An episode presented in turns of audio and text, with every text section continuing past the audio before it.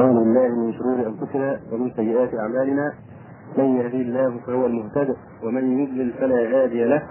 وأشهد أن لا إله إلا الله وحده لا شريك له. وأشهد أن محمدا عبده ورسوله. أيها الذين آمنوا اتقوا الله حق تقاته ولا تموتن إلا وأنتم مسلمون. يا أيها الناس اتقوا ربكم الذي خلقكم من نفس واحدة وخلق منها زوجها وبث منهما رجالا كثيرا ونساء. واتقوا الله الذي تساءلون به والأرحام. إن الله كان عليكم رقيبا. يا أيها الذين آمنوا اتقوا الله وقولوا قولا سديدا يصلح لكم أعمالكم ويغفر لكم ذنوبكم ومن يطع الله ورسوله فقد فاز فوزا عظيما. أما بعد فإن أصدق الحديث كتاب الله وأحسن الهدي هدي محمد صلى الله عليه وسلم وشر الأمور محدثاتها وكل محدثة بدعة وكل بدعة ضلالة وكل ضلالة في النار. عن زهد بن حكيم قال حدثني أبي عن جدي قال سمعت رسول الله صلى الله عليه وسلم يقول ويل للذي يحدث فيكذب ليضحك به القوم ويل له ويل له. الحديث رواه الإمام أحمد في مسنده وأبو داود والترمذي وحسنه والحاكم والنسائي. ورمز له السيوطي بالصحة وصححه الألباني. عن بهد بن حكيم قال حدثني أبي عن جدي قال سمعت رسول الله صلى الله عليه وسلم يقول ويل للذي يحدث يحدث فيكذب ليضحك به القوم. ويل له ويل له. ويل للذي يحدث فيكذب ليضحك به القوم. ويل له ويل له. هذا الحديث يرويه بهز بن حكيم عن أبيه عن جده يعني عن معاوية بن حيدة رضي الله عنه وهو جده معاوية بن حيدة. قال سمعت رسول الله صلى الله عليه وسلم يقول ويل ويل للذي يحدث فيكذب ليضحك به القوم وويل أي هلاك عظيم أو واد عميق في جهنم.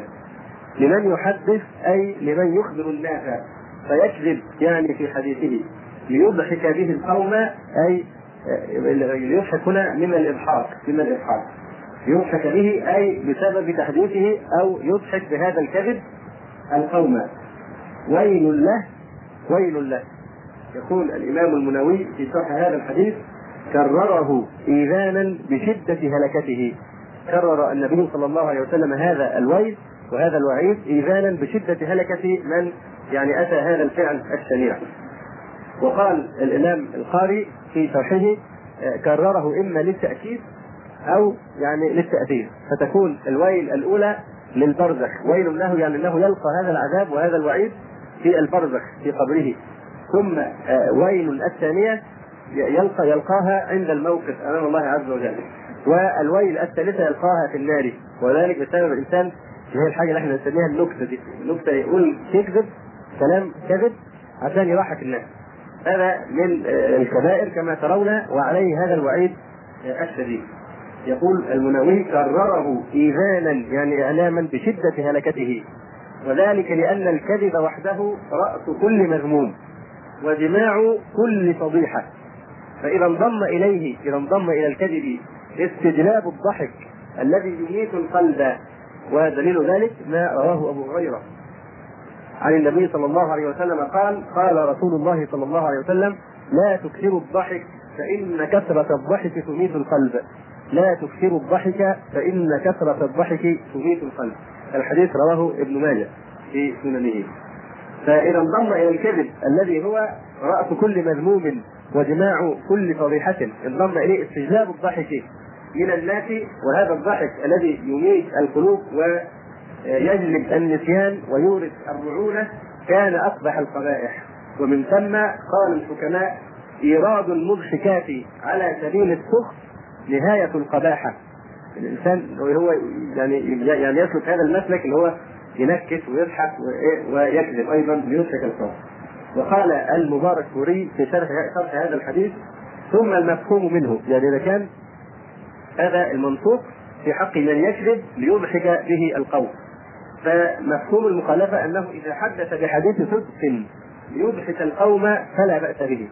إن كان الإنسان على سبيل الندرة ليس على سبيل العادة وأن كل حياته تكون هزار ومزاح وضحك إن كان يعني آه يعني كان يضحك القوم بحديث صدق فلا حرج في ذلك ولا ويل له. آه كما صدر مثل ذلك عن عمر آه رضي الله عنه مع النبي صلى الله عليه وسلم حين غضب على بعض أمهات. المؤمنين. وهو يشير بذلك إلى ما أخرجه الإمام أحمد عن جابر رضي الله عنه قال أقبل أبو بكر رضي الله عنه يستأذن على رسول الله صلى الله عليه وسلم. والناس ببابه جلوس والنبي صلى الله عليه وسلم جالس فلم يؤذن له لم يؤذن لأبي بكر رضي الله عنه. ثم أقبل عمر رضي الله عنه فاستأذن فلم يؤذن له. ثم آذن لأبي بكر وعمر رضي الله عنهما. فدخل والنبي صلى الله عليه وسلم جالس وحوله نساؤه وهو صلى الله عليه وسلم ساكت يعني واجما كأنه حزين. فقال عمر يعني قال في نفسه لأكلمن النبي صلى الله عليه وسلم لعله يضحك. حاول أن يضحك النبي عليه السلام لأنه لما رأى من حاله الذي يبدو منه إيه؟ الحزن. فقال عمر يا رسول الله لو رأيت ابنة زيد يعني امرأته يا رسول الله لو رأيت ابنة زيد امرأة عمر سألتني النفقة آنفا فوجأت عنقها فوجأت عنقها سألتني النفقة يعني أرادت أن أوسع عليها في الإيه؟ في النفقة فوجأت عنقها يعني قطعت عنقها. فضحك النبي صلى الله عليه وسلم. يعني أراد سيدنا عمر أن يضحكوا لكن بإيه؟ بحق الصيغة نفسها ما فيها كذب. يقول أرأيت؟ يعني أخبرني. يعني إيه رأيك لو أنا عملت كذا؟ لو سألتني النفقة لوجأت عنقها. فضحك النبي صلى الله عليه وسلم حتى بدت نواجذه. وقال هن حولي يسألنني النفقة يعني كأن إيه هو ده نفس الذي يريد عمر وقال هن حولي يسألنني النفقة فقام أبو بكر رضي الله عنه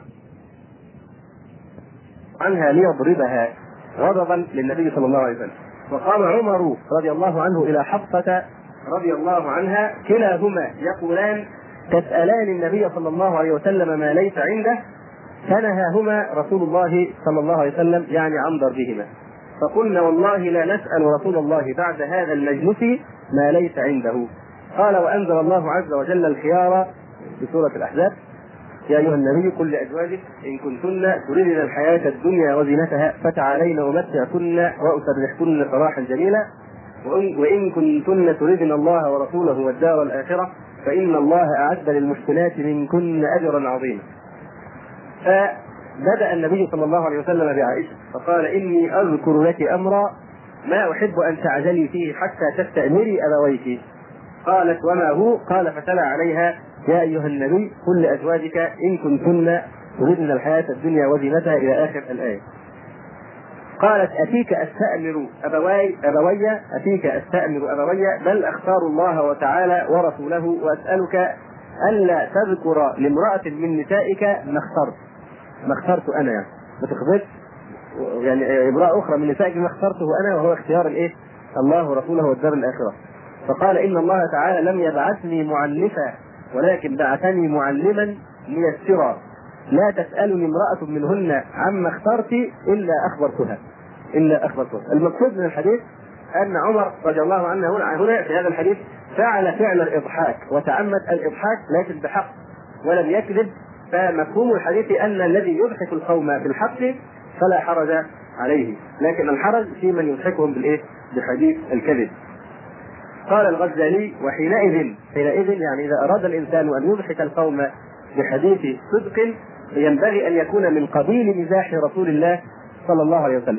إذا اراد أن يمزح فليكن على نفس نهج النبي صلى الله عليه وسلم في مزاحه فلا يكون إلا حقا. يعني لا يأتي بمزاح إلا من المزاح الحق كما جاء عن النبي صلى الله عليه وسلم فأخرج الإمام أحمد عن أنس رضي الله عنه أن رجلا أتى النبي صلى الله عليه وسلم فاستحمله يعني طلب منه أن يحمله على دابة. فاستحمله يعني آه، طلب منه أو سأله أن يحمله. فقال رسول الله صلى الله عليه وسلم إنا حاملوك على ولد الناقة. إنا حاملوك على ولد الناقة. فقال يا رسول الله ما اصنع بولد الناقة؟ فقال رسول الله صلى الله عليه وسلم وهل تلد الإبل الإبل إلا النوق؟ ما هو ولد الناقة؟ يعني حتى الناقة الكبيرة ما هي ولد الناقة؟ لأنها مولودة من إيه؟ من ناقة. فأراد أن يداعبه النبي صلى الله عليه وسلم هو فاهم إن هي إن هي ناقة صغيرة. ولد الناقة يعني الصغير لا يحمل. فقال إنا حاملوك على ولد ناقة. فقال يا رسول الله ما أصنع بولد ناقة؟ فقال رسول الله صلى الله عليه وسلم وهل تلد الإبل إلا النوح؟ هذا رواه الإمام أبو داود والترمذي. وقال زيد بن أسلم إن امرأة يقال لها أم أم يقال لها أم أيمن. جاءت إلى النبي صلى الله عليه وسلم فقالت إن زوجي يدعوك. قال ومن هو؟ أهو الذي بعينه بياض؟ فقالت والله ما بعينه بياض. فقال بلى إن بعينه بياضا. فقالت لا والله. فقال ما من أحد إلا وبعينه بياض. ما من أحد إلا وبعينه بياض. فأراد النبي صلى الله عليه وسلم البياض الذي في عين كل إنسان وهو المحيط بالحدقة. أما هي فقد فهمت انه البياض الذي يكون على الحدقة البياض الذي يتكون على الحدقة. وأخرج الإمام أحمد عن أنس رضي الله عنه أن رجلا من أهل البادية كان اسمه زاهرا وكان يهدي النبي صلى الله عليه وسلم الهدية من البادية. فيجهزه النبي صلى الله عليه وسلم إذا أراد أن يخرج. هو إذا كان إذا قدم من البدايه يأتي معه بهديه فإذا أراد أن يخرج من الحضر إلى البدايه يعود فيجاهده النبي ويهديه هدية آه، أخرى. فقال رسول الله صلى الله عليه وسلم إن زاهرا باديتنا ونحن حاضروه. وكان رسول الله صلى الله عليه وسلم يحبه وكان رجلا دميما. فأتاه رسول الله صلى الله عليه وسلم وهو يبيع متاعه فاحتضنه من خلفه ولا يبصره الرجل. فقال أرسلني. من هذا؟ فالتفت فعرف النبي صلى الله عليه وسلم. فجعل لا يألو ما ألصق ظهره بصدر النبي صلى الله عليه وسلم حين عرفه. فلم يعد يطلب الإيه؟ يقول له أرسلني. وجعل رسول الله صلى الله عليه وسلم يقول من يشتري العبد. فقال يا رسول الله اذا والله تجدني كاسدا فقال رسول الله صلى الله عليه وسلم لكن عند الله لست بكاسد أو قال لكن عند الله غال. هذا الحديث رواته ثقات. فسياق هذا الحديث يبين أن النبي صلى الله عليه وسلم ما كان النبي ليبيع رجلا حرا ولكن أراد بكلمة العبد إيه؟ من يشتري العبد يعني عبد الله عبد الله. وكلنا عبيد الله. وأخرج الترمذي في الشمائل عن الحسن قال أتت عجوز النبي صلى الله عليه وسلم؟ فقالت يا رسول الله ادعو الله أن يدخلني الجنة. فقال يا أم فلان إن الجنة لا تدخلها عجوز. فولت تبكي. فقال اخبروها أنها لا تدخلها وهي عجوز. إن الله تعالى يقول إنا أنشأناهن انشاء فجعلناهن أبكارا عربا اترابا. يعني أنها تعود إلى صلاها ولكن لا تدخلها وهي على هيئة الشيخوخه وأخرج الترمذي في الشمائل عن أنس رضي الله عنه قال قال لي رسول الله صلى الله عليه وسلم يا ذا الأذنين. قال أبو أسامة يعني يمازحه لأن كل إنسان له أذنان. فهكذا كان يعني هذه الأحاديث حتى وإن لم يصح بعضها لكن يعني جملتها تفيد أن النبي صلى الله عليه وسلم كان يمزح ولكن بالحق ولم يكن يغلب عليه هذا المزاح. أخرج الترمذي عن أبي هريرة رضي الله عنه قال قالوا يا رسول الله إنك تداعبنا. قال إني لا أقول إلا حقا.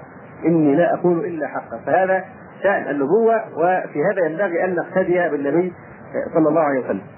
يقول الغزالي وحينئذ ينبغي أن يكون من قبيل مزاح رسول الله صلى الله عليه وسلم فلا يكون إلا حقا. ولا يؤذي قلبا ولا يفرج ولا يفرط فيه. ما ما يتماداش لا يتمادى في الضحك والهزار واللغو لا يتمادى في هذا الأمر. فإن كنت أيها السامع تقتصر عليه أحيانا وعلى النذور فلا حرج عليك. ولكن من الغلط العظيم أن يتخذ الإنسان المزاح حرفة حرفة. ويواظب عليه ويفرط فيه ثم يتمسك بفعل رسول الله صلى الله عليه وسلم. فهو كمن يدور مع الزنوج ابدا لينظر إلى رقصهم ويتمسك بأن رسول الله صلى الله عليه وسلم أذن لعائشة رضي الله عنها في النظر إليهم وهم يلعبون. فمش مش عشان الرسول عليه يعني مرة من المرات أذن لعائشة أن تتطلع إلى الحبشة وهم يلعبون بالحراب في المسجد. لا يعني ذلك إن إيه الإنسان يجعل النظر إلى رقص الزنوج وإلى لعبهم حرفة يتبعهم حيث راحوا ويعني يشغلهم هذا الأمر ويسيطر عليه. فهذا على سبيل الندره لكن يعني ليس المسلم أو المؤمن يعني الإنسان الذي يفرط في اللعب والمزاح بهذه الطريقة. وقال صلى الله عليه وسلم إن العبد لا يتكلم بالكلمة لا يتبين فيها. يتكلم بالكلمة لا يتبين فيها. يزل بها في النار أبعد ما بين المشرق والمغرب. هذا رواه الإمام أحمد والبخاري ومسلم.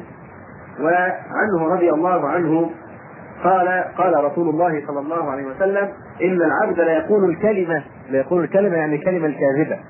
لا يقولها إلا ليضحك به الناس. يضحك به يعني بهذا التلفظ الناس. يهوي بها أي يسقط بها يعني بسببها. الله أبعد مما بين السماء والأرض.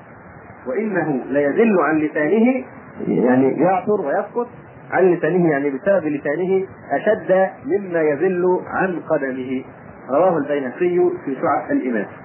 وروى الإمام أحمد عن أبي سعيد نفس الحديث بلفظ إن الرجل لا يتكلم بالكلمة لا يريد بها بأسا ليضحك بها القوم وإنه ليقع بها أبعد من السماء. أبعد من السماء.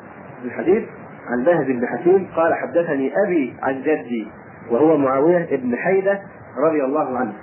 قال سمعت رسول الله صلى الله عليه وسلم يقول ويل للذي يحدث فيكذب ليضحك به القوم ويل له ويل له.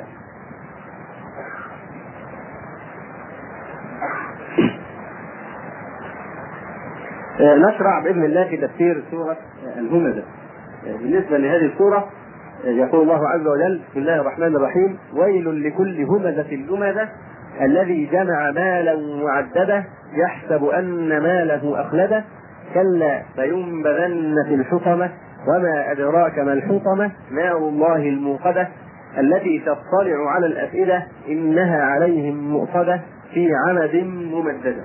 اسم هذه السورة سورة الهمزة ونوعها هي مكية بإجماع. مكية بإجماع ما نقل من نقل عنه من المفسرين. وقال هبة الله بن سلامة المفسر وقد قيل إنها مدنية. ولا شك أن البناء المجهول هكذا قيل يدل على ضعف هذا القول. لكن ذكر بعض المفسرين أنها مكية بإجماع. وعدد آياتها تسع آيات بلا خلاف. أما مناسبة هذه السورة لما قبلها وهي سورة العصر فلما ذكر سبحانه فيما قبلها في سورة العصر أن الإنسان سوى من استثنى الله سبحانه وتعالى في خسر بين عز وجل في هذه السورة أحوال بعض الخاسرين. إن الإنسان لفي خسر إلا الذين آمنوا وعملوا الصالحات وتواصوا بالحق وتواصوا بالصبر. بين هنا في السورة التالية أحوال بعض الخاسرين على وجه التفصيل. فقال عز وجل ويل لكل همزة لمزة أما مناسبة هذه السورة لما بعدها وهي سورة الفيل فكأنه لما تضمن الهمز واللمز من الكفرة نوع كيد له ويل لكل همزة لمزة الذين كانوا يلمزون النبي صلى الله عليه وسلم. عقب ذلك بقصة أصحاب الفيل للإشارة إلى أن عقبى كيدهم في الدنيا تدميرهم. فإن عناية الله عز وجل برسوله صلى الله عليه وسلم أقوى وأتم من عنايته بالبيت. يعني إذا كان عناية الله ببيته الحرام أدت إلى إهلاك أصحاب الفيل فعنايته بنبيه الذي تهمزونه وتلمزونه أتم وأكمل. فالسورة مثيرة إلى مآلهم في الدنيا إثر بيان مآلهم في الأخرى. ويجوز أن تكون كالاستدلال على ما أشير إليه فيما قبلها من أن المال لا يغني من الله تعالى شيئا يعني إن الإنسان لفي خسر إلا الذين آمنوا وعملوا الصالحات وتواصوا بالحق وتواصوا بالصبر هؤلاء هم الناجون ليس الشخص الذي جمع مالا وعدده يحسب أن ماله اخلده ويتوهم أن النجاة بكثرة المال وكثرة تعداده وإنما النجاة كما في السورة السابقة بالعمل الصالح والصبر عليه. أو أيضا تكون كالإستدلال على قدرته عز وجل على إنفاذ ما توعد به أولئك الكفرة في قوله سبحانه لينبذن في الحطمة يعني الله عز وجل الذي قدر على أن يعاقب أصحاب الفيل في الدنيا بهذه العقوبة الشديدة وهذا الخزي وذلك النكال قادر سبحانه وتعالى بالأولى على أن يعني ينفذ هذا الوعيد المتوعد به في هذه الآية كلا لينبذن في الحطمة. أما سبب النزول فلم يعني يرد من طريق ثابت أو صحيح سبب مباشر لنزول الآية لكن حكى بعض المفسرين أقوالا أن هذه السورة نزلت في أشخاص معينين. قال ابن الجوزي واختلف المفسرون هل نزلت في حق شخص بعينه أم نزلت عامة على قولين؟ ويأتي إن شاء الله التفصيل. أما بالنسبة للقراءات قراءات في هذه السورة قرأ الجمهور ويل لكل همزة لمزة. هذا قراءة جمهور القراء. ويل لكل همزة لمزة بوزن فعلة وقرأ أبو جعفر محمد ابن علي والأعرج ويل لكل, لكل همزة لمزة. بسكون الميم فيهما فهذه قراءة أبو أبي جعفر والأعرج. ويل لكل همزة لمزة. قرأ الجماعة أيضا الذي جمع مالا معددا الذي جمع فعل مخفف الميم. وشددها الحسن وابن عامر والحمزة والكسائي على التكثير وقالوا الذي جمع مالا معددا الذي جمع مالا معددا. واختاره أبو عبيد اللي هو التكثير اختار قراءة أبو عبيد اختار قراءة التكثير اللي هي الذي جمع تشديد الميم لقوله تعالى وعدده فهو أوفق به. اختار أن إيه؟ تشدد في الاثنتين وقال الطبري أما قوله الذي جمع مالا فإن التشديد والتخفيف فيهما صوابان يعني كلاهما قراءة صحيحة الذي جمع أو الذي جمع. لأنهما قراءتان معروفتان في قراءة الأمصار. متقاربة المعنى فبأيتهما قرأ القارئ فمصيب هذا في كلمة إيه؟ جمع. جمع. جمع مالا أو جمع مالا. وقرأ الحسن والكلبي ونصر بن عاصم وأبو العالية الذي جمع مالا وعدده. قرأ الاثنين إيه؟ قرأوا الاثنين مخففتين فأظهروا هذا التضعيف.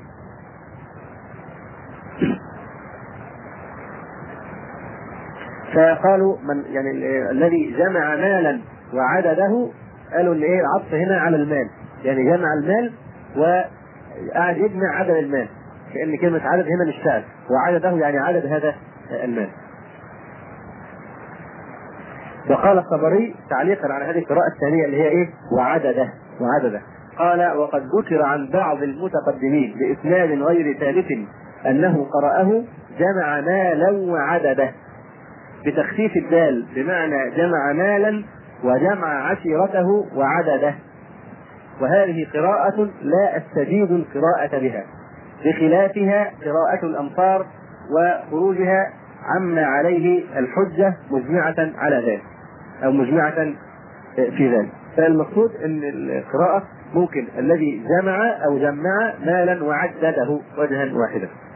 لينبذن كلا لينبذن قرأ الحسن ومحمد بن كعب ونصر بن عاصم ومجاهد وحميد وابن محيصن قرأ إيه؟ لينبذان بالتسليم كلا لينبذان أي لينبذن هو وماله فقرأها بالتسليم. وعن الحسن أيضا كلا لينبذنه يعني لينبذن ماله وعنه أيضا كلا لننبذنه أي يعني بنون العظمة وهاء النصب ونون التوكيد لننبذنه على إخبار الله تعالى عن نفسه وأنه ينبذ صاحب المال يعني يلقيه في الحطمة. وعن الحسن أيضا كلا لينبذن لينبذن بضم الذال على أن المراد الهمزة واللمزة والذي جمع مالا يبقى إيه كأن على هذا المجموع كله لينبذن كلهم في الحطمة. وقرأ زيد بن بن علي لينبذن لينبذن في الحاطمة في الحاطمة وما أدراك ما الحاطمة. وقال الطبري في تفسير في قوله تعالى إنها عليهم مؤصبة مؤصبة بالهم قال مؤصبة يعني مطلقه وهي تهمد ولا تهمد وقد قرئتا جميعا. هذا كلام الطبري. يعني ممكن تقرأ إنها عليهم مؤصدة أو موصدة. موصدة. هذا حصل. لكن طبعا مش معنى القراءات انها تكون جائزه إن إحنا في صلاة واحدة مثلا نجمع بين إيه؟ بين قراءتين في وقت واحد.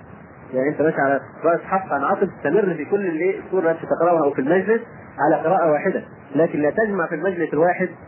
يعني بين قراءتين مختلفتين كما يفعل بعض القراء. لأن هذا من البدع. آه، في عمد ممددة إنها عليهم مؤصدة. في عمد ممددة.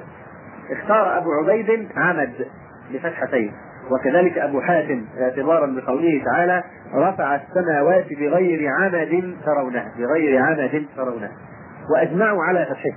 يعني أقل بما أنهم أجمعوا في سورة الرعد على على فتح كلمة عمد فكذلك هنا تقرأ على مثالها. وفي قراءة أبي ابن مسعود إنها عليهم مؤصدة بعمد ممددة. وقرأ حمزة والكسائي وأبو بكر عن عاصم في عمد ممددة في عمد ممددة. جمع عمود؟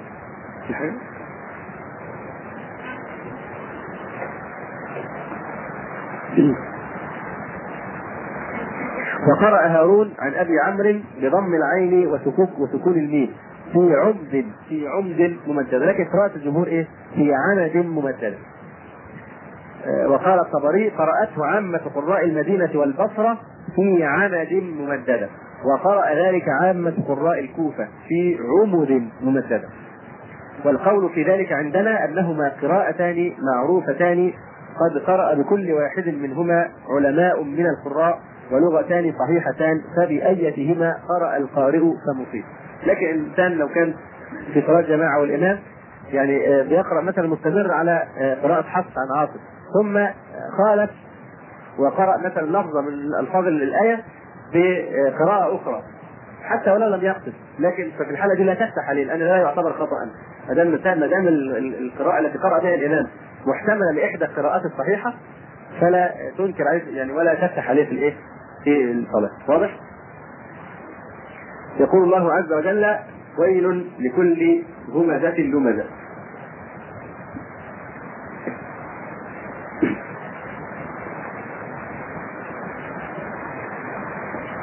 آه قال الإمام أبو حيان هذه السورة مكية لما قال فيما قبلها إن الإنسان لفي خسر بين حال الخاسر فقال ويل لكل همزة لمزة. ونزلت في الأخنس ابن شريق.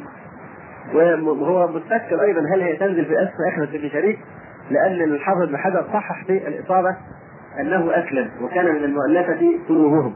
فإذا إن صح هذا فلا يتأتى الوعيد الآتي في حقه. فإما ألا يصح ذلك أو لا يصح إسلامه. يعني إما لا يصح أن هو أسلم أصلا وإما لا يصح أنها نزلت في الأحمد ابن شريك أو العاص ابن وائل السهمي. أو جميل بن عامر الجمحي أو الوليد بن المغيرة أو أمية بن خلف أو أبي بن خلف. هذه كلها أقوال ذكرها المفسرون في الشخص الذي نزلت فيه هذه السورة. ويمكن أن تكون نزلت في الجميع. وهي مع ذلك عامة في من اتصف بهذه الأوصاف. وقال السهيلي هو أمية ابن خلف الجمحي كان يهمل النبي صلى الله عليه وسلم ويعيبه ويقول وإنما ذكرته وإن كان اللفظ عاما لأن الله سبحانه وتعالى تابع في أوصافه. يعني بعض العلماء يرى أنها نازلة في شخص بعينه يقول إن هو ربنا تابع في ذكر أوصاف هذا الشخص والخبر عنه ويل لكل همزة لمزه الذي جمع مالا معددا كل كلام على ضمير معين. حتى فهم أنه يشير إلى شخص بعينه. وكذلك قوله في سورة نون ولا تطع كل حلاف مهين هماز مشاء بنميم مناع للخير معتد أثيم إلى آخر الآيات فتتابع في ذكر الصفات حتى علم أنه يريد إنسانا بعينه وهو في سورة نون هو الوليد بن المغيرة. آه والد خالد بن الوليد رضي الله عنه. وقال القاسمي والآية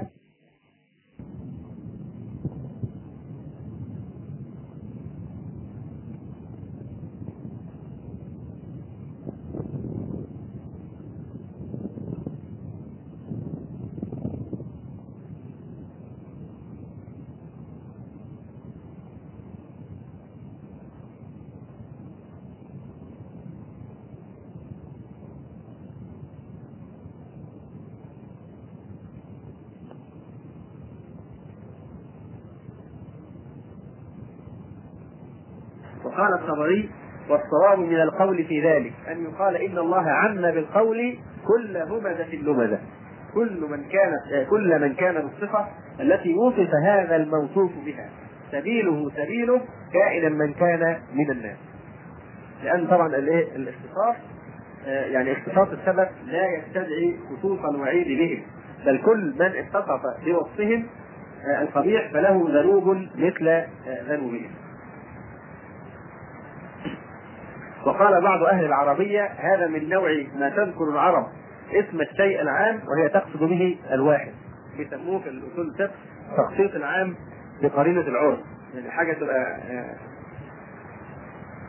ده عكس الكلام اللي بنقوله بقى إن هي عامة بيقول لا ده جاي كلمه عام عموم لكن المقصود به شخص بعينه. كما يقال في الكلام إذا قال رجل يعني لو واحد بيكلم الثاني فيقول له لا أزورك ابدا. يعني أنا مش هزورك ابدا لا أزورك ابدا. فيرد عليه الثاني يقول له كل من لم يزرني فلست بزائره. كل من لم يزرني فلست بزائره. وهو يقصده هو بالذات. واضح؟ يعني الصيغة إيه؟ إن هو يقصد كل الناس أو الناس كتير لكن هو بسياق الكلام يوضح ان قصده إيه؟ المتكلم نفسه. وقائل ذلك يقصد جواب صاحبه ويريده هو به هو بهذه الصيغة العامة. المهم هذا هو الخلاف في الآية. لكن لا شك إن كما يرى المحققين من المفسرين إن المقصود هنا الإيه؟ العموم حتى وإن نزلت كتاب كتاب خاص لأن لا تعارض لأن العبرة بعموم الألفاظ وليست بخصوص الأسباب. قوله تعالى ويل لكل همزة لمزة.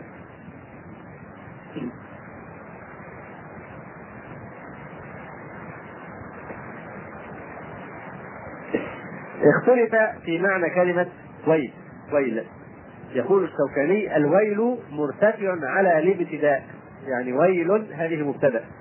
وطبعا هي أصلا نكرة. فالنكرة المفروض ما تكونش مبتدأ. لكن ساغ أن يبتدأ بها لأنها في معنى الدعاء. في معنى الإيه؟ الدعاء.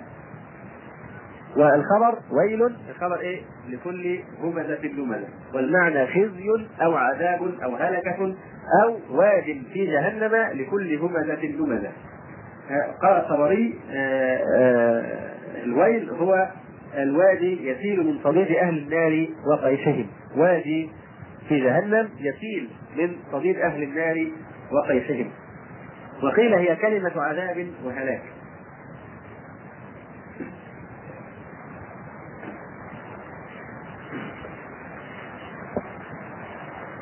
وقد يعني آه، وردت هذه الكلمة أيضا في قوله تعالى في سورة الجاثية ويل لكل أفاك أثيم.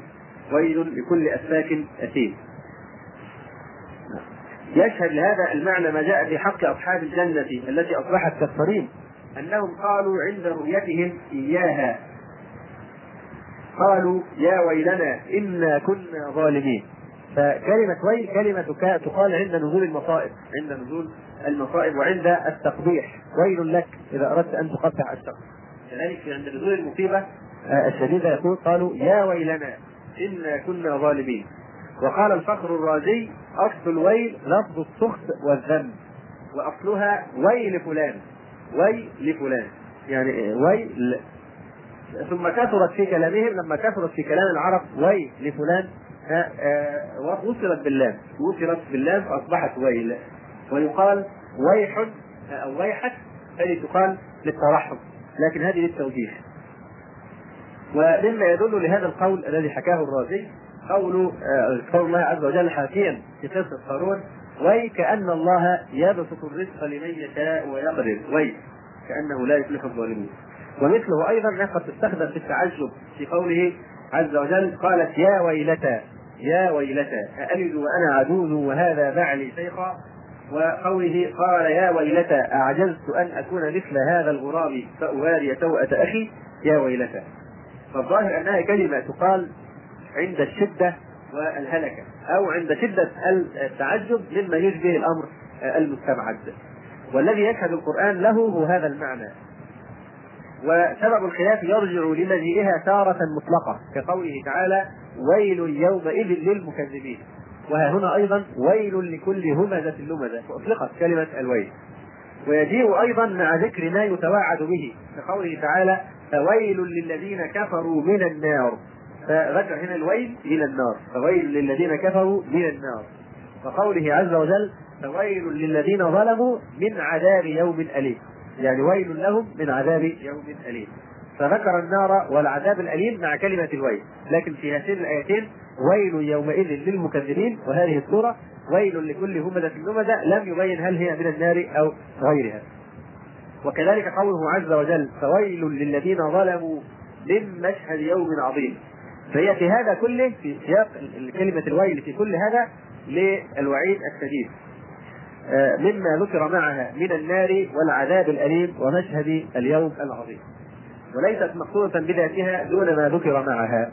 فالمقصود أنها كلمة آه، آه، تدل على الهلكة وعلى الوعيد الشديد. ويل لكل همزة لمزة. اختلف العلماء في المراد بالهمزة اللمزة اختلافا كبيرا. هناك قول بأنهما متفقان إن الهمزة واللمزة ده فعل واحد شخص واحد. والقول الثاني بأنهما متغايران فقيل إن الهمزه العياب الطاعان الذي يكثر منه عيب الناس والطعن فيهم والطعن عليهم. واللمزة أيضا مثله. عن أبي الجوزاء قال قلت لابن عباس من هؤلاء هم الذين بدأهم الله بالويل؟ يعني من هؤلاء الذين لما بدأ الله الكلام في حقهم بدأه بتوعدهم بهذا الويل. وفي لفظ من هؤلاء الذين ندبهم الله إلى الويل؟ قال هم المشاؤون بالنميمة المفرقون بين الأحبة الباغون للبراء العيب. المشاؤون بالنميمة بين الناس. ويل لكل همزة لمز الذين يمشون بالنميمة. مش يمشون سيكثر منهم ويغلب عليهم لأنها صيغة مبالغة. المشاؤون بالنميمة. المفرقون بين الأحبة.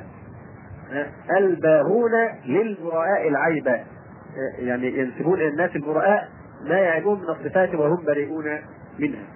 في حديث صحيح عن أبي هريرة رضي الله عنه مرفوعا يعني إلى النبي صلى الله عليه وسلم يقول إن أحبكم إلي أحاسنكم أخلاقا الموطؤون أكنافا الذين يألفون ويؤلفون وإن أبغضكم إلي المشاؤون بالنميمة المفرقون بين الأحبة الملتمسون للبراء العنت هذا الحديث رواه الطبراني في الأوسط في في الصغير في المعجم الصغير. وقال الألباني ضعيف له شواهد ترقى به إلى مرتبة الحسن. الحديث مرة ثانية إن أحبكم إلي أحاسنكم أخلاقا الموطؤون أكنافا الذين يألفون ويؤلفون وإن أبغضكم إلي المشاؤون للنميمة المفرقون بين الأحبة الملتمسون للبراء آه، العنب قيل إن أصل الهمز واللمز الدفع الإنسان يدفع هذا هو الهمز واللمز. قال قاله ابن قتيبة. وقال الزجاج الهمذة اللمذة الذي يغتاب الناس ويغضهم يعني ينقص من أقدارهم ينتقص أقدارهم ويحتقرهم. قال الشاعر إذا لقيتك عن كره تكاشرني وإن تغيبت كنت الهامد اللمذة إذا لقيتك عن كره وفي لفظ آخر إذا لقيتك عن شحث تكاشرني عن شحث يعني عن بعد. إنت أول ما تشوفني جاي من بعيد تروح مكشر تكاشرني وإن تغيبت وإن كنت غايب مش موجود في المجلس كنت الهامز اللمزة كنت الهمز اللمزة الذي يغتاب ويطعن ويعيب الناس. إذا لقيتك عن فحش تكاشرني وإن تغيبت كنت الهامز اللمزة. وقال زياد تدلي بود إذا لاقيتني إذا لاقيتني كذبا. وإن أغيب فأنت الهامز اللمزه تدلي بود إذا لقيت إذا لاقيتني كذبا. يعني إذا قابلتني تظهر لي المودة. وإن أغيب فأنت الهامز اللمزة يعني الطعان العياب. و بالنسبة لكلمة الرفع يعني ويل لكل همزة اللمزة بعضهم قال إن أصل الكلمة مشتقة من الدفع ومن ذلك قول بعض الشعراء ومن همزنا عزه تبركع على إسته زوبعة أو زوبعة.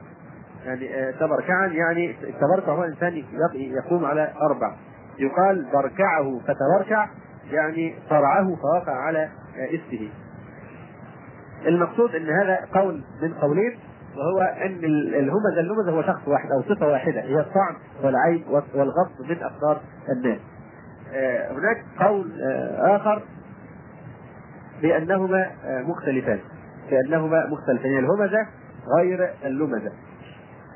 وأصل الهمز اللمز والعض على الشيء بعنف. الانسان لو مسك شيء وعضه بعنف هذا هو إيه؟ يقال له لمزه لمزه عضه بعنف.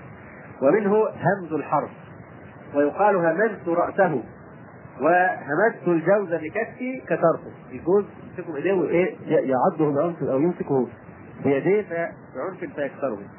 وقيل لأعرابي اتهملون الفارة؟ يعني واحد ينطق كلمة الفارة مش بيقول الفأرة بيقول الفارة. فبيسأل واحد أعرابي بيقول له أنتوا عندكم في العرب يعني الأعراب كيف تمسكون هذه الكلمة؟ أيهمزون الفارة؟ يعني تمسكونها الفأرة بالهمز مش بالألف؟ فقال إنما تهمدها الهرة. كويس يبقى أنتوا فهمتوا الان ضحكتوا ولا فهمت والذي في الصحاح قيل لأعرابي اتهم اتهمد الفارة فقال السنور يهمدها السنور اسم أسماء القسم السنور يهمدها فالقول الأول قاله الثعلبي وهو يدل على أن الهره يسمى الهمزه يعني إذا من ناحية اللغة ممكن نسمي القط إيه؟ الهمزه لأنها تهمز الإيه؟ الفار يعني تكسرها تعض عليها بعنف.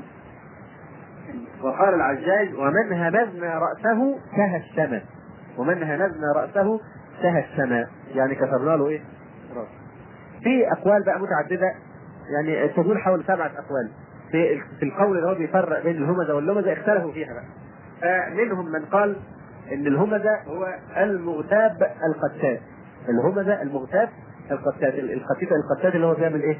النميمة يعني لا يدخل جنة قتات اللي هو النمام اللي ينقل الكلام من ناس لناس يكون حق برضه لكن ينقله ليفسد بينهم. الإنسان يسمع كلام قبيح عن الناس لا ينقله لأن هذه نميمة. حمالة الحطب لأنها كانت نمامه المغتاب القتات وقال الحسن وعطاء وأبو العالية الهمزه الذي يغتاب ويهمز الإنسان في وجهه إذا قابله. أما اللمزه فالذي يلمزه اغتاء ويغتابه إذا غاب عنه أو أدبر عنه. ومنه قوله تعالى ومنهم من يلمزك في الصدقات. لما يغيبوا عن النبي عليه السلام في الصدقات. ومن هذا المعنى أيضا قول حسان همزتك فاخضعت بذل نفس بقافية تأجج كالشوارب قول مجاهد إن الهمزة هو الطعان في الناس واللمزة الطعان في أنساب الناس. يعني عند مجاهد إن الهمزة ده الطعان عموما لكن اللمزة عنده الطعان في إيه؟ متخصص في الطعن في الأنساب. قال النبي صلى الله عليه وسلم اثنتان في الناس هما بهم كفر الطعن في الأنساب والنياحة على الميت. الطعن في الأنساب يقول فلان ده مش ابن فلان أو فلان ده كذا. هذا الطعن في الانساب من الكفر والعياذ بالله من شأن الجاهلية. فالمجاهد يقول إن الهمزه طعان في الناس عموما في أي طعن. لكن اللمزة الطعان في النسب بالذات. وقال قتادة الهمزة اللي هو يهمز إيه؟ بعينيه يغمز بعينيه ويرتب الناس بعينيه ويشاور كده. فده يعني بيستعمل عينيه في الهمز. أما اللمزة فبيهمز إيه؟ باللسان. هذا قول قتادة إن الهمزه بالعين واللمزة باللسان. وقال ابن زيد الهمزة الذي يهمز الناس بيده يهمز الناس بيده ويضربهم. أما اللمزة فالذي يلمزهم بلسانه. وقال سفيان الثوري الهمزة الذي يهمز بلسانه جهرا جهرا. واللمزة الذي يلمز بعينه وبحاجبه سرا. وقال مقاتل الهمزة المغتاب بالغيبة اللي يغتاب الناس في عدم وجودهم. واللمزة الطاعن على الإنسان في وجهه يعني عكس ما ذكرناه عليه عن الحسن وعطاء وأبي العالية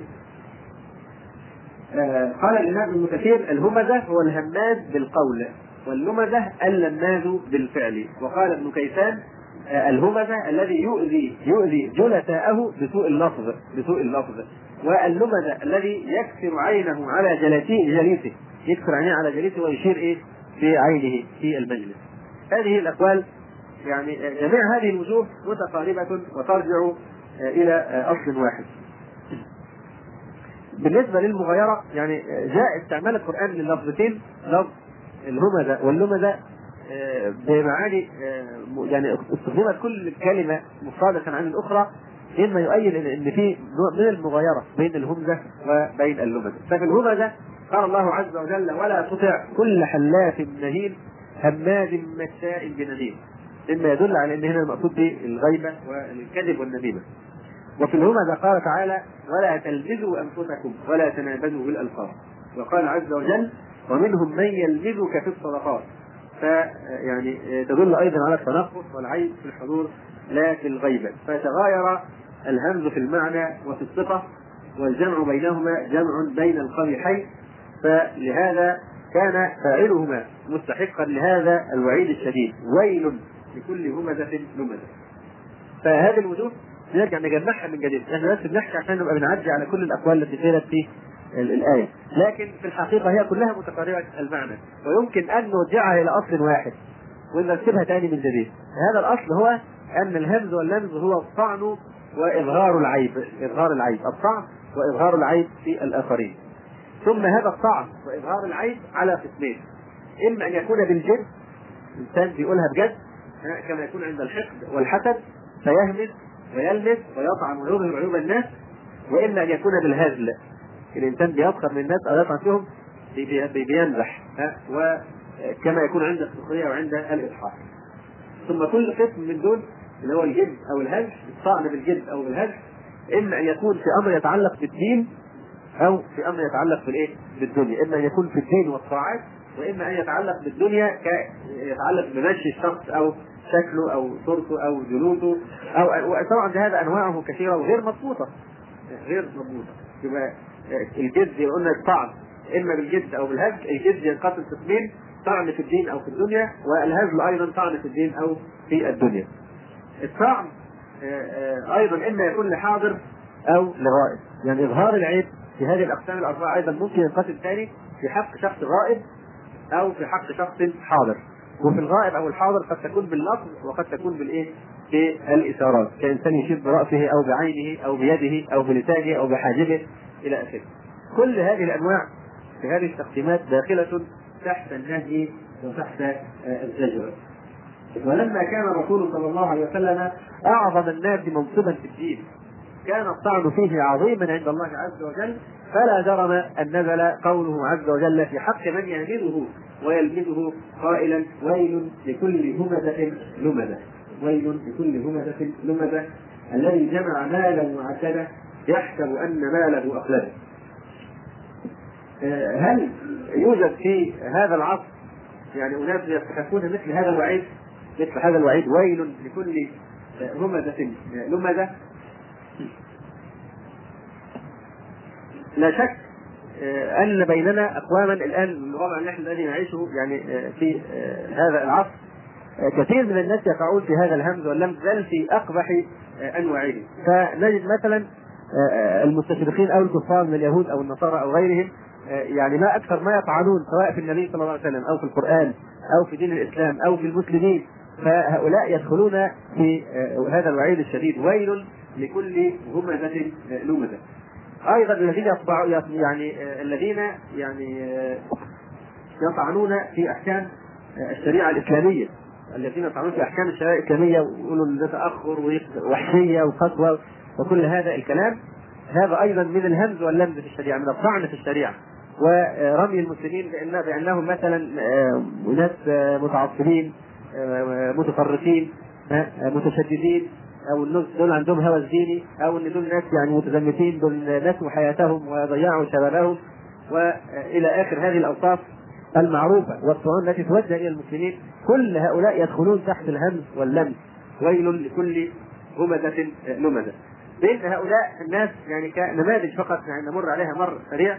قول رجل يدعى مصطفى أمين طبعا معروف محدش ما يعرفوش يعني. اللي هو هو قلما قلما يظهر حقيقته. يعني هذا الشخص بالذات دايما يتكلم إنسانية وخدمات الناس ولبس القدر والكلام ده كله لكن حقيقة أهدافه قلما يكشف عنها.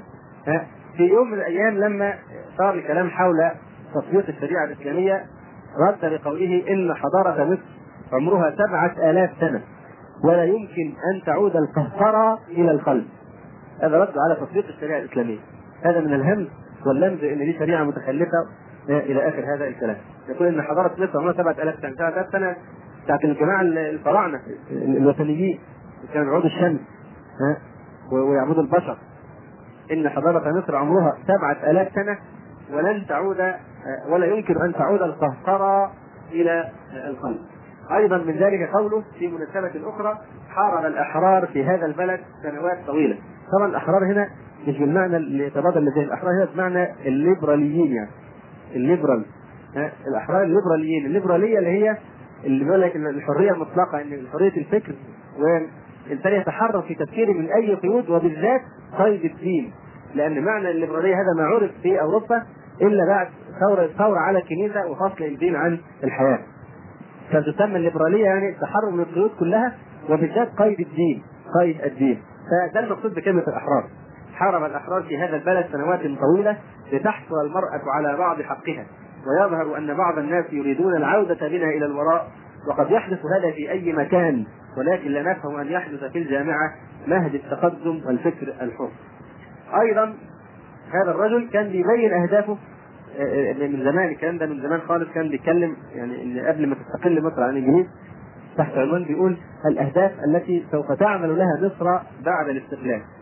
فبيقول أنا من الأهداف التي ساعنى بها وأقود إليها الرأي العام يعني هو دلوقتي بينفذ بقى الأهداف اللي كان بيخطط لها من زمان. يقول أن يحارب أن يحارب التعصب الديني. جعل من أهدافه أن يحارب التعصب الديني وأن يجدد الازهر وأن ينادي بتحرير المرأة قلبيا لأن الحب الطاهر لا يزال جريمة يعاقب عليها المجتمع والمجتمع المصري إلى اليوم مجتمع لا روح فيه لأنه خالد من المرأة والشباب المصري لا شخصية له لأنه ليس في حياته امرأة. ومن أهدافه أن يشجع المرأة على المطالبة بحقوقها السياسية وتولي الوظائف وأن ترث كما يرث الرجل تماما. والعياذ بالله. هو أن يدعو إلى اتحاد أن يدعو إلى اتحاد شرقي لا اتحاد إسلامي على نظام الولايات المتحدة الأمريكية، هذا الكلام نقل عنه الأستاذ أنور الدين في كتاب اسمه الصحافة والأقلام المسمومة. موجودة قصة كامله عنه صفحة 99 إلى 106 فنموذج من نماذج الهم واللم والطعن في هذه الشريعة الحنيفية. أيضا من نماذج الهمز واللمز طبعا أكثرها طبعا إحنا هنمسك كل حاجة حتى ما سويناش حاجة يعني أي شيء من مظاهر الإسلام حتى مش يسيبوها في حالنا لازم برضه يطعنوا يقول لك اللحية ومش عارف أي حاجة يقع فيها واحد من العلماء يتكلم يروحوا يعملوا حمله عليها وتنطلق الكلاب المسعورة من جحورها.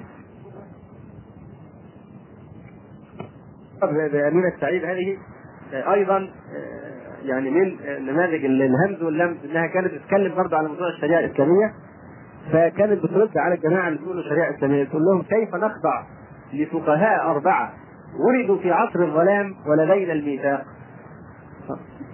كيف نخضع لفقهاء أربعة ولدوا في عصر الظلام ولدينا الميثاق؟ تقول أيضا إنني لا أطمئن على حقوق المرأة إلا إذا تساوت مع الرجل في الميراث أيضا من ضمن الحملات التي قامت بها الهمز واللمز في المسلمين والمسلمات تتكلم على الحجاب تقول إن هذه الثياب الممجوده قشرة سطحية لا تكفي وحدها لفتح أبواب الجنة أو اكتساب رضا الله. فتيات يخرجن إلى الشارع والجامعات بملابس قبيحة المنظر يزعمن أنها زي إسلامي.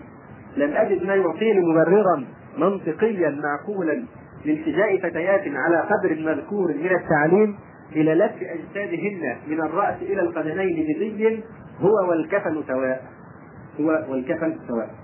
يقول أيضا تقول أيضا هل من الإسلام أن ترتدي البنات في الجامعة ملابس تغطيهن تماما وتجعلهن كالعفاريت وهل لا بد من تكفين البنات بالملابس وهن على قيد الحياة حتى لا يرى منها من منها شيء وهي تسير في الشارع. المهم مش عايزين طبعا نقول ان هي صفحات النضال بتاعتها اللي بتقترح يعني اللي بتفخر بيها إنها صفحات النضال الاسلاميه كثيره قوي. يعني عامرة بالايه بمثل هذا الكلام. تقول هنا في ضمن هذه يعني البطولة بتاعتها بتقول اقتراح اجراء تلقيح صناعي لزوج عقيم من زوجها اقام الدنيا وأقعدها ومطالبة بإلغاء المحاكم الشرعية كاد يدخله للسجن أما مهاجمتي لقانون الأحوال الشخصية فقد أثارت الدنيا من حولي وجاءت مظاهرة إلى دار الهلال تهتف بسقوطي. طبعا بشوف الأشياء أنها من إيه؟ من مناقبها من مناقبها. مش عايزين نطول في تتبع يعني هذه الأشياء. بتتكلم عن المراقبات. بتقول والأدهى من ذلك آه، المقنعات. بتسميهم المقنعات. وهن قلة من المتطرفات في إعلان عن تدينهن. فقد ذهبن في ثيابهن إلى تحريم ما أحله الله. فغطينا وجوههن هي يعني تبحث عن الحلال والحرام. فغطينا وجوههن بأنسجة كثيفة ليس بها سوى قرنين صغيرين للاستعانة بهما في النظر. ولم يكتفين بذلك بل ذهبن في مبالغتهن إلى تغطية القرنين الصغيرين بنظارات سوداء. خوفا من أن تتغلغل الأنظار من خلال القرنين إلى حدقة العينين. وهو كل ما يحتمل أن يظهر من هذا القناع العجيب الدخيل. هم ولم. هذا بالطبع غير جائز في الإسلام بدليل الفتوى التي أصدرها سيد الأئمة كلهم. مين سيد الأئمة كلهم بقى؟ يعني شوف بتنعم عليه بهذا اللقب. الإمام الأكبر الشيخ محمد عبده. يعني المهم آه، كنت برضه تتكلم على الحجاب بتقولي ده؟ تشبه بالكفار وإن ده زي الراهبات.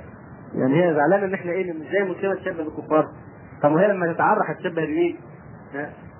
نعم. برضه بقى اللي الغيرة بقى على الإسلام بتتدفق بقى بتتدفق وتنهال الغيرة على حرمات ربنا وعلى التشبه بالكفار بتقول وما يقال عن الحجاب إن هو تشبه بالراهبات يسري أيضا على ملابس الرجال. فمع عظيم إجلال العمامه والجبة والقبطان أعرف أنها ليست دينا اسلاميا اصيلا وإنما هي اقتباس من ملابس الأحبار اليهود في قديم الزمان. فيعني دي نماذج من اللم والهم ومن أشد الناس أيضا الذين يعني آه، حملوا حملات كبيرة في هذا المجال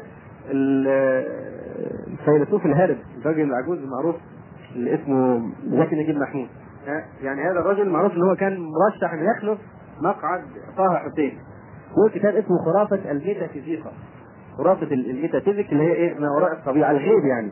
يعني خرافة الغيب. خرافة الاعتقاد بالإيه؟ بالغيب.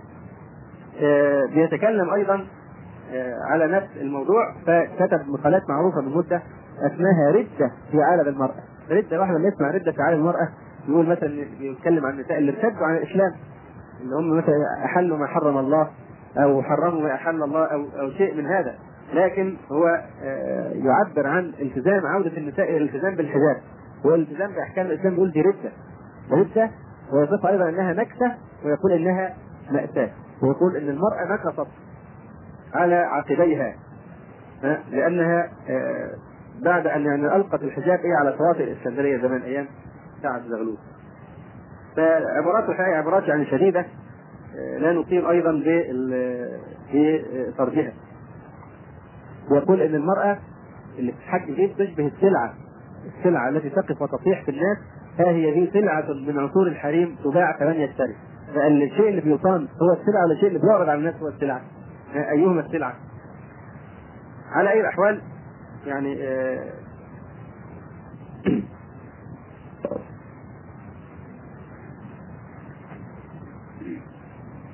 هذه نماذج من بعض الحملات.